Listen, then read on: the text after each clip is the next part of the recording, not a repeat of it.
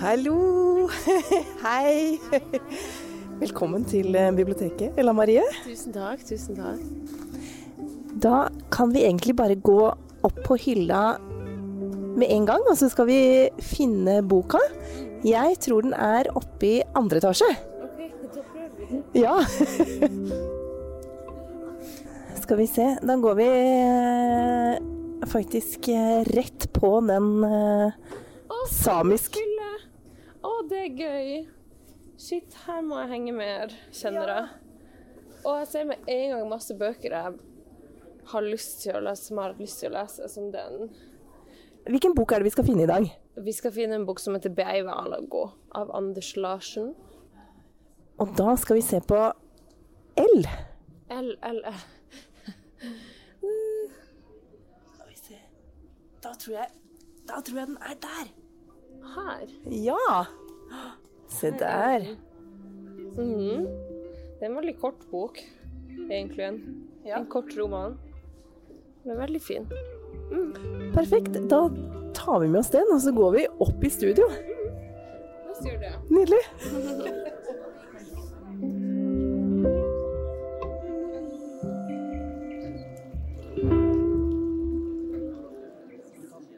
Du hører på Deichman-podkasten Utlånt til, der inviterte gjester forteller om en bok som har hatt en spesiell betydning i livet.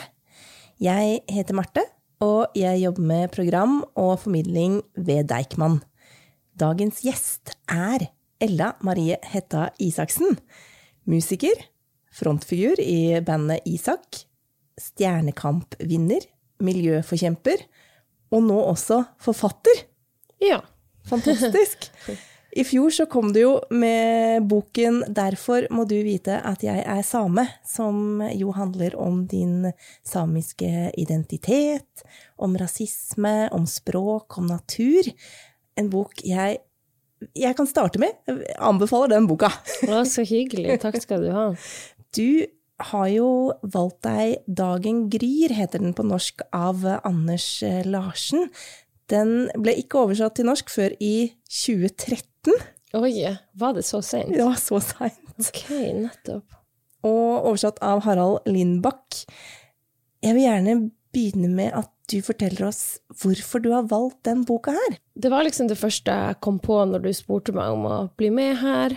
Og så tror jeg det var det første jeg kom på av flere grunner, både fordi at jeg alltid tenker på hvilken mulighet har jeg på denne arenaen, aktuelle arenaen, til å fortelle noe viktig om samisk kultur eller historie. Dette er jo den første boka som er gitt ut på samisk, eller den første, unnskyld, den første romanen som er gitt ut på samisk, i 1912 er det vel. Og den har jo derfor vært viktig i skolesammenheng at vi har lest den på ungdomsskolen, og det har blitt stående som et sånt veldig historisk viktig verk for meg da, i mitt liv. I tillegg til at jeg husker veldig godt første gang jeg leste den, og at jeg delte den leseopplevelsen med mine eh, medelever, samiske medelever, og jeg likte veldig godt den boka. Hva er det den handler om? Jeg tenker at den handler om eh, å vokse opp mellom to verdener, det norske og det samiske.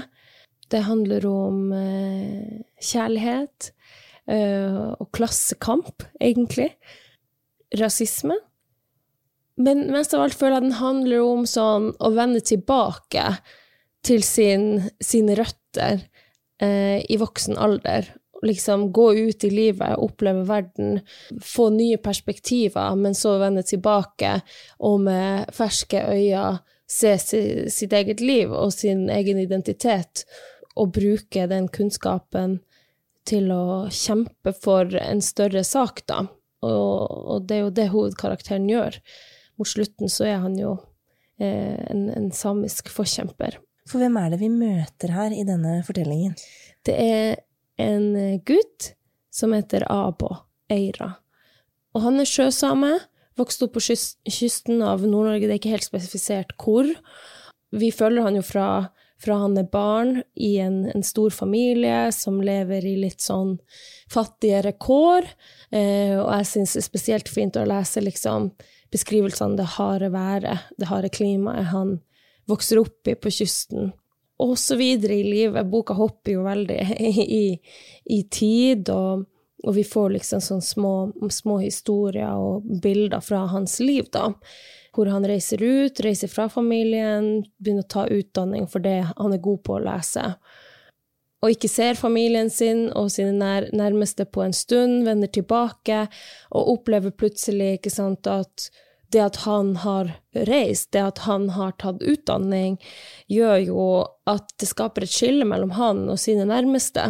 Og det er noen ting jeg kan kjenne igjen fra våre nærmiljøer eh, den dag i dag, at det å ta utdanning har, har, nok ikke like høy status som det har ellers i landet, fordi at man har eh, litt eh, komplisert forhold til, til, utdanningssystemet og hvem det egentlig er laga for. Det å kunne lese på sitt eget morsmål har jo eh, kosta mye. Og ikke minst det med at skal man klare seg på kysten, f.eks., av Finnmark eh, eller Troms, så må man beherske praktisk kunnskap. Det praktiske er alltid det som jeg tror vil stå høyest i våre miljø. Så eh, det der med å ta utdanning, det kan virke litt prippent. jeg syns det er veldig fint at han beskriver hvordan han føler seg litt sånn At han faller mellom to stoler, da, for han blir ikke helt akseptert i den norske verden. Men så vender han tilbake hjem igjen og, og blir liksom litt uglesett der, da, for å ha reist. Mm. Og så videre og så videre. Ja. helt til hans på en måte en sånn slags samisk oppvåkning på slutten, da. Som for meg er jo helt magisk å lese. Mm. Kanskje vi skulle begynne med å høre litt fra den boka her? Mm. Jeg kan lese et utdrag som jeg uh, ville lese nettopp på grunn av det her med å ja, vokse opp i to verdener. Her er da Abo kommet på besøk hjem til sine hjemtrakter, både til familien og ja, så møter han noen gamle venner og sånn, og opplever det at han ikke blir så akseptert så jeg leser, først på samisk og så på norsk.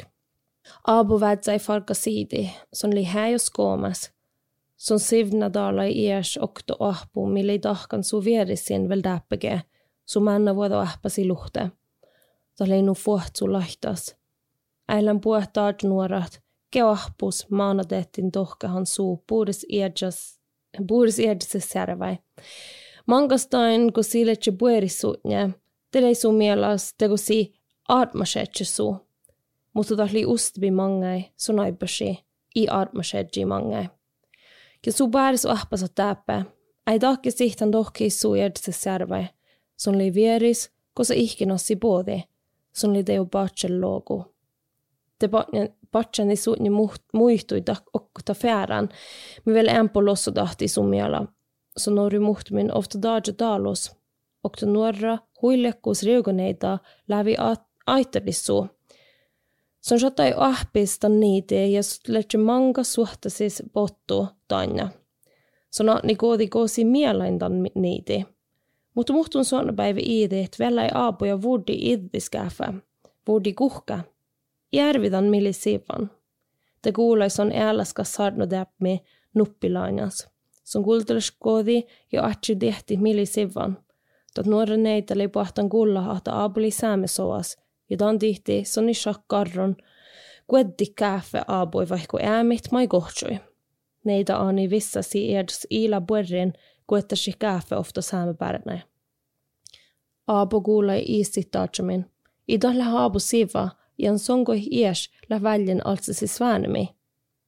Aapu pausti bahtsakit, ja son ovdusi saakkaa, kun tuon nuoren neitäkee, ken muohtulei nugeatas, kalkai piedäskit nälle karka vuodas. Mutta Aapo leikaunnon maitai taatsai, kai nälle karka vuotta iiväividan, se muisti tai kiihtyväs vuodain.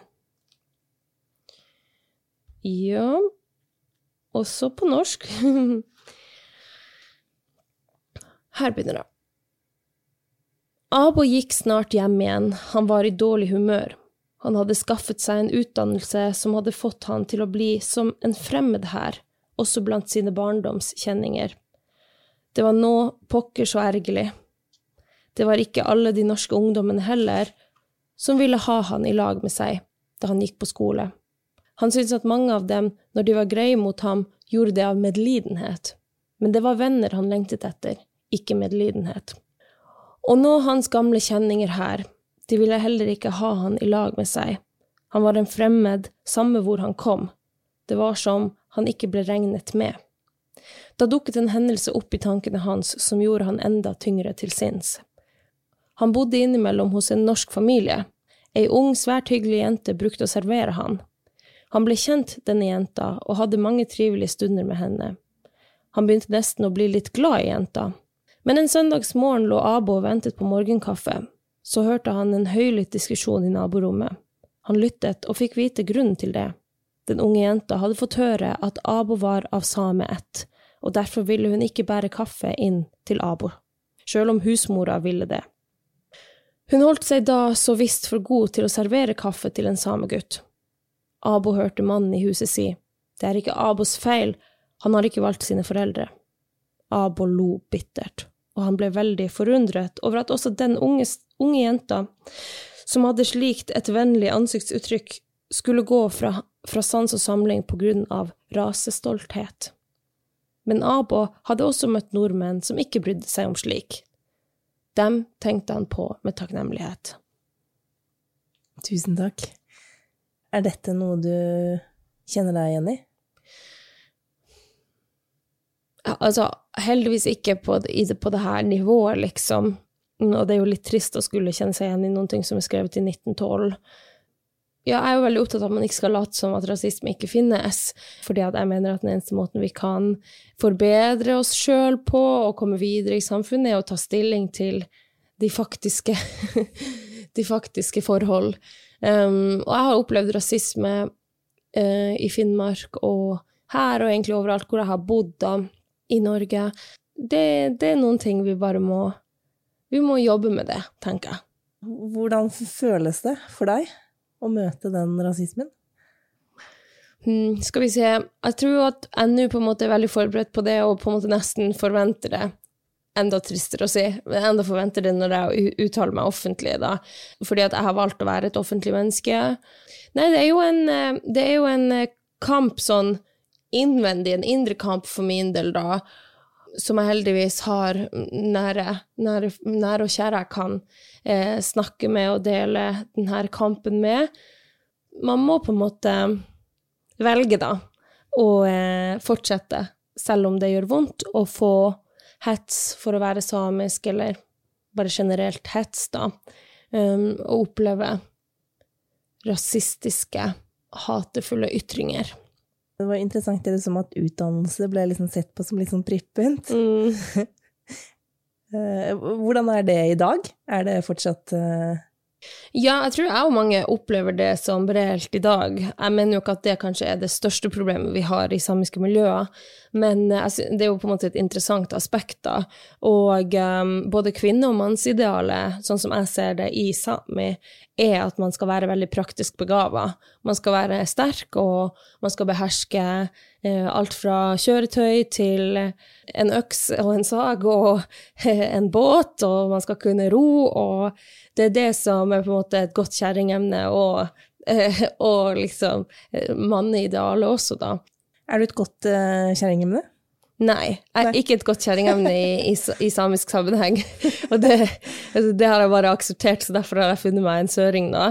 Nei da, men uh, Jo, jeg har faktisk det, men, men uh, Nei, jeg har jo uh, verken utdanning eller er så veldig praktisk begava. Jeg er ikke helt ute å kjøre, men ja, jeg bor jo også i Oslo, da, så det er jo, det er jo ganske automatisk stempla som bysame. Hvordan er det for deg å vende tilbake til eh, hjembyen, hjemtraktene? Nei, jeg kan oppleve mye av det samme som er litt den der at um, det, det, er jo humoren i, i både Nord-Norge, men også i, i, sånn som jeg opplever det i samiske miljøer, at, at man erter hverandre og det er jo en måte å liksom herdes i oppveksten også, er at liksom alle erter hverandre litt. Så det er jo noe som er veldig lett å ta meg på, da, at jeg har flytta til Oslo. Så jeg må jo eh, være veldig forsiktig med dialekter, at ikke den blir utvanna. At jeg passer på at jeg ikke kler meg altfor eh, pent, da. For da kommer ryogo-ordet veldig fort, da. Ryogo er jo et litt negativt lada ord som, handl, som betyr eh, norsk. Ja. Eller sånn, ja. Så, men men jeg, jeg tar det bare Jeg, jeg, jeg syns det beriker livet, egentlig, for å være ærlig. For det er en sånn viktig del av vår humorkultur, da, å liksom sette hverandre litt på plass, da. Og det holder meg litt i skinnet, og kanskje holder meg litt på bakkeplan også. Men den boka her, Mm. 'Dagen grir', den leste du under tvang på ungdomsskolen. Det er jo ikke ofte at eh, en sånn tvangsbok setter liksom sånn dype spor, da. I hvert fall ikke fra det jeg selv leste på ungdomsskolen. Men hva var det som traff deg? Jeg tror det var det at det var rørende, og det merker jeg nå også når jeg leser, at det er utrolig rørende å lese en historie fra så langt tilbake. Og han avslutter jo også boka med å liksom se fremover, og han snakker om den samiske fremtiden.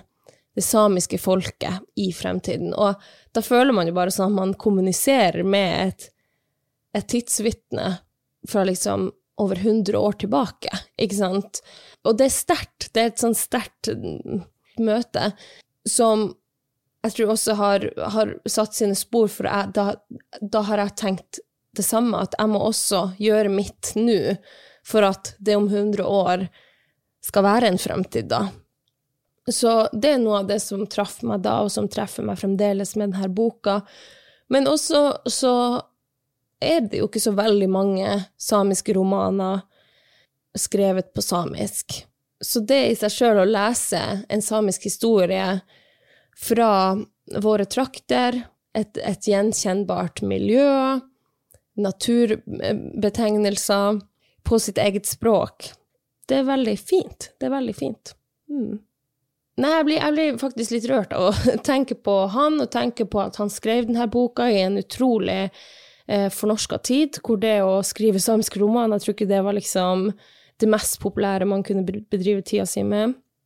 Og at han har eh, levna denne boka etter seg, sånn at jeg i 2022 kan lese den og bli inspirert og bli så sterkt påminnet på kampen, da, hva det har kosta, men også drivkraften, hvorfor gjør vi det her? Og der er, kjenner jeg meg jo så igjen i hovedkarakteren, liksom, som går gjennom ting og tang i livet, men vender tilbake og finner en styrke i all den smerten og alt man har vært igjennom, men også velger da å bruke den til å gå videre. Ja, hadde han Hører han meg nå, så vil jeg jo takke han, ikke sant, for at han gjorde det. Det må ha kosta mye, sånn at jeg i dag kan ta kampen videre. Og eh, hvordan eh, oppleves det språket her? Ja, altså, det samiske språket i denne boka er jo litt vanskelig. Eh, Så, så jeg sitter jo med ordboka i, i høyre hånd mens jeg blar med venstre hånd, for at virkelig sånn Hver andre setning så er det et ord jeg ikke helt forstår.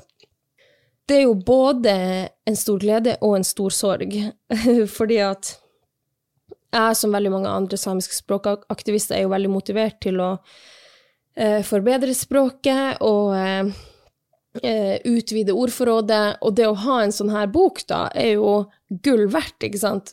Jeg forstår jo alt med, fordi at det er i kontekst og sånne ting, men, men jeg har liksom bare Nå sist gang jeg leste, så har jeg liksom plukka med meg tre-fire ord som jeg har lyst til å inkorporere i min dagligtale. Og det er gøy. Det er veldig gøy. Men så er det en liten sorg, da, at det blir et slags bevis da på at språket vårt forvitrer, ikke sant.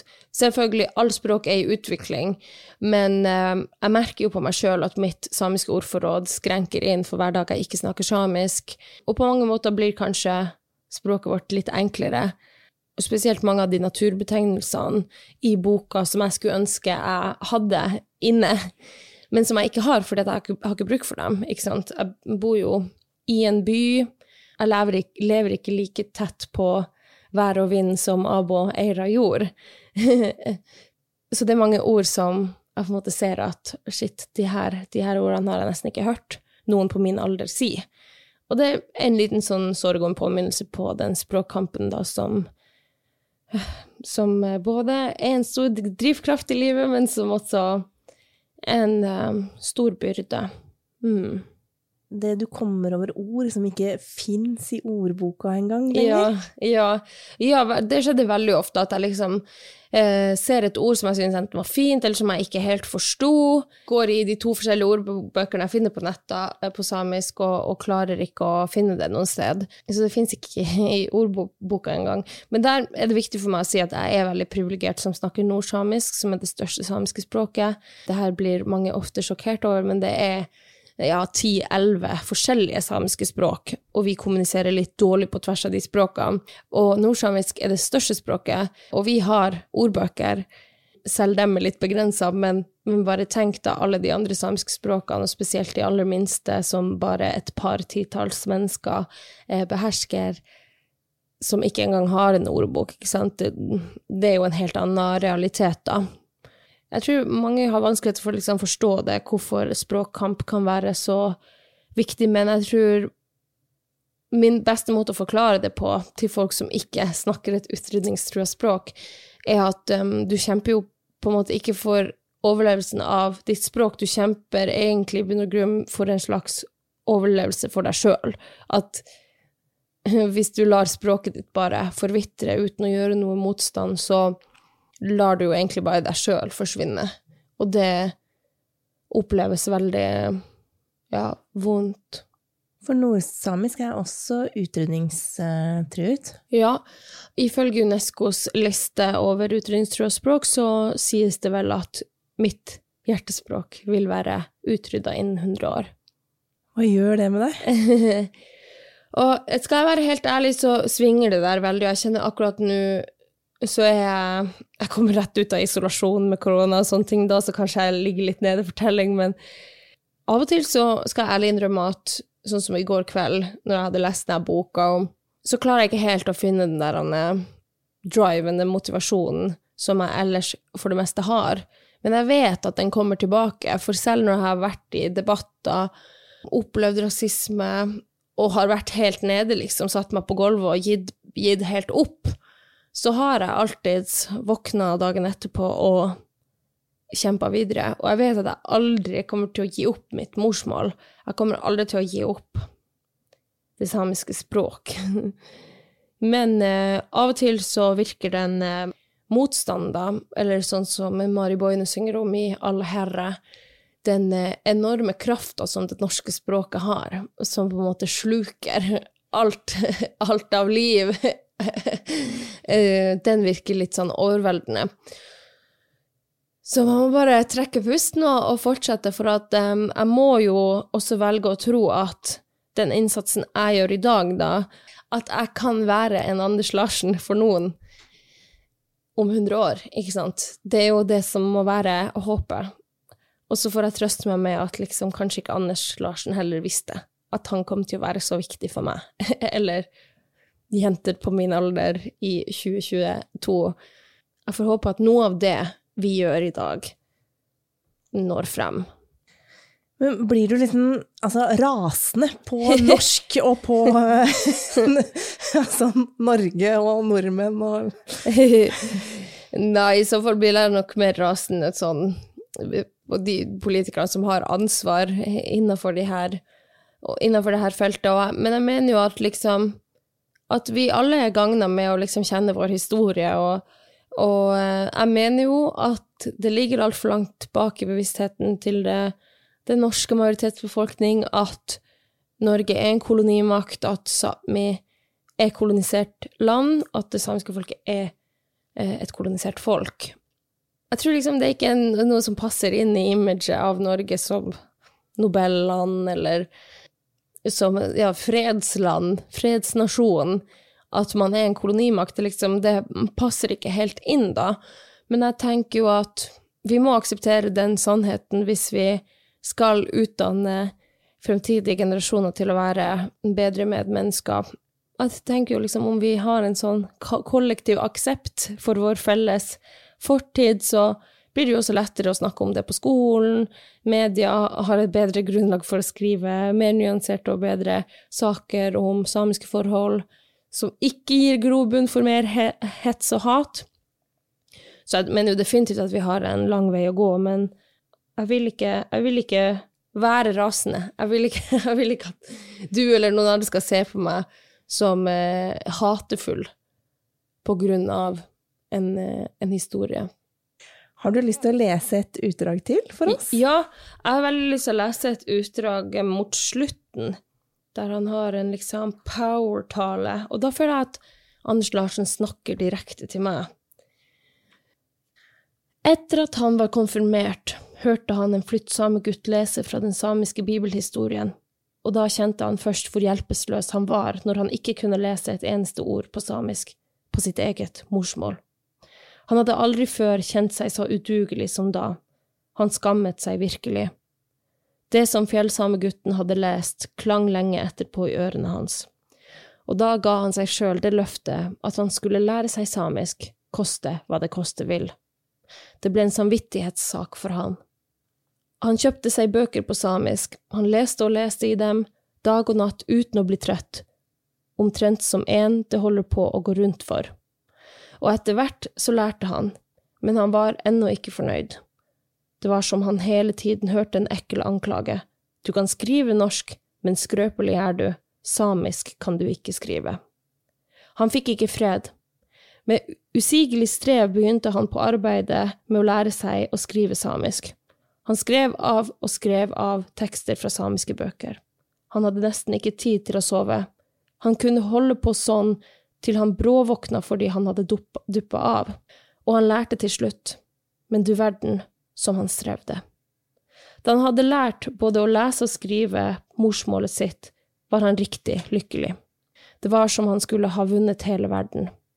Nå ble kjærligheten til morsmålet mye sterkere, og han begynte å tenke at det skulle være skoler der samene enkelt og greit kunne lære å lese og skrive morsmålet sitt. Og han husket også der han satt, hvordan de sjølgode norske guttene flirte av han da han som barn prøvde å si noe på norsk. Av og til ble han arg. Si nå noe dere på samisk, så kan dere se hvordan det, det går, brukte han å slenge til dem i forakt. Og tankene hans dro langt av sted inn i framtida. Det kom til han som et syn. Han så framtida til samefolket.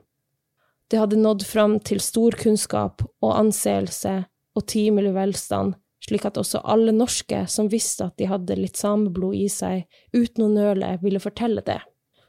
For nå var tidene så forandret at det ble ansett som en stor heder å høre til det stolte samefolket. Bra. Tusen takk.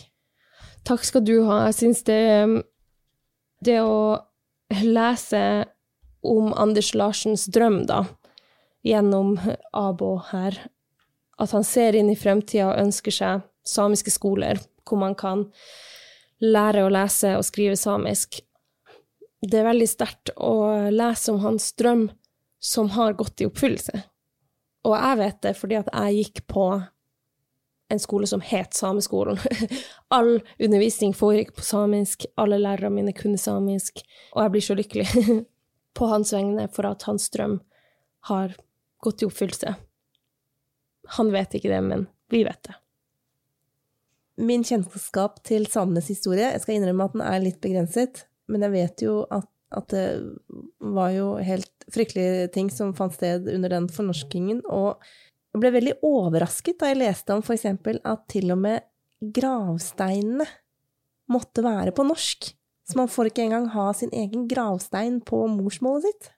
Ja, det er jo en veldig sterk scene i denne boka, hvor um, Abo går rundt på, på kirkegården og ser at, eh, at, det er ingen samiske navn på de her gravsteinene. Og det er faktisk noe jeg har tenkt på mye i, de, i det siste, at vi har en vane for å fornorske våre navn. Det er liksom gitt at det offentlige språk, alt som er skriftlig, på en måte spesielt liksom ute på Facebook, ute på nett, altså den dag i dag skal være på norsk, ikke sant? Så jeg er jo døpt Ella Marie, men uh, i familien min kaller jo folk meg Ella Maria. Men, uh, men, det er jo helt unaturlig for meg å skrive det noe sted, ikke sant. Men jeg tenker spesielt på liksom mine onkler og, og sånn som, som, har veldig særegne samiske navn, som, som, min onkel, da, som heter eh, Laurante. Alle kaller han Laurante. Men, uh, men når jeg ser hans navn skrevet, så, så bruker jeg å fnise litt, for da blir det jo Lauritz Andreas. Og det er jo et helt annet navn enn det på en måte jeg ser på som hans egentlige navn. Uh, og det er veldig vanlig. Jeg tror det er mer en sånn um, holdningsendring som skal til der, at vi um, venner oss sjøl også til å bruke våre samiske navn, da, og forvente det. Det er noe med å forvente det av våre omgivelser, at de skal, at de skal akseptere vårt navn for det det er.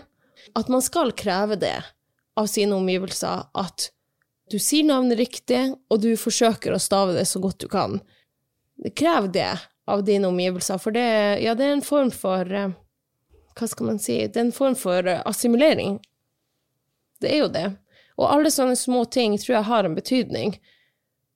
Man kan jo tenke at bare fordi at skiltet mellom Karasjok Alta og Kautokeino står på norsk, bare det betyr ingenting. Men det og alle andre skilt og alle andre navn på gravsteiner og alle andre sånne skriftlige bevis på hvem, hvem som bor her, hvem sitt land er vi på, gjør noe med bevisstheten vår. Ikke sant? Hver gang du tar av til Alta eller Kautokeino, så kjører du forbi et skilt som står på norsk. Og det må jo gjøre noe med vår bevissthet om at vi er på norsk jord, og så plutselig er det samiske glemt. Jeg tror vi avslutter med den oppfordringen. Ella Marie, tusen takk for at du tok eh, turen til biblioteket. Tusen takk for at jeg fikk komme. Takk til deg som har lyttet til Deichman-podkasten Utlånt til. Og boka vi har snakket om, 'Dagen gryr' av Anders Larsen, kan du låne her på biblioteket.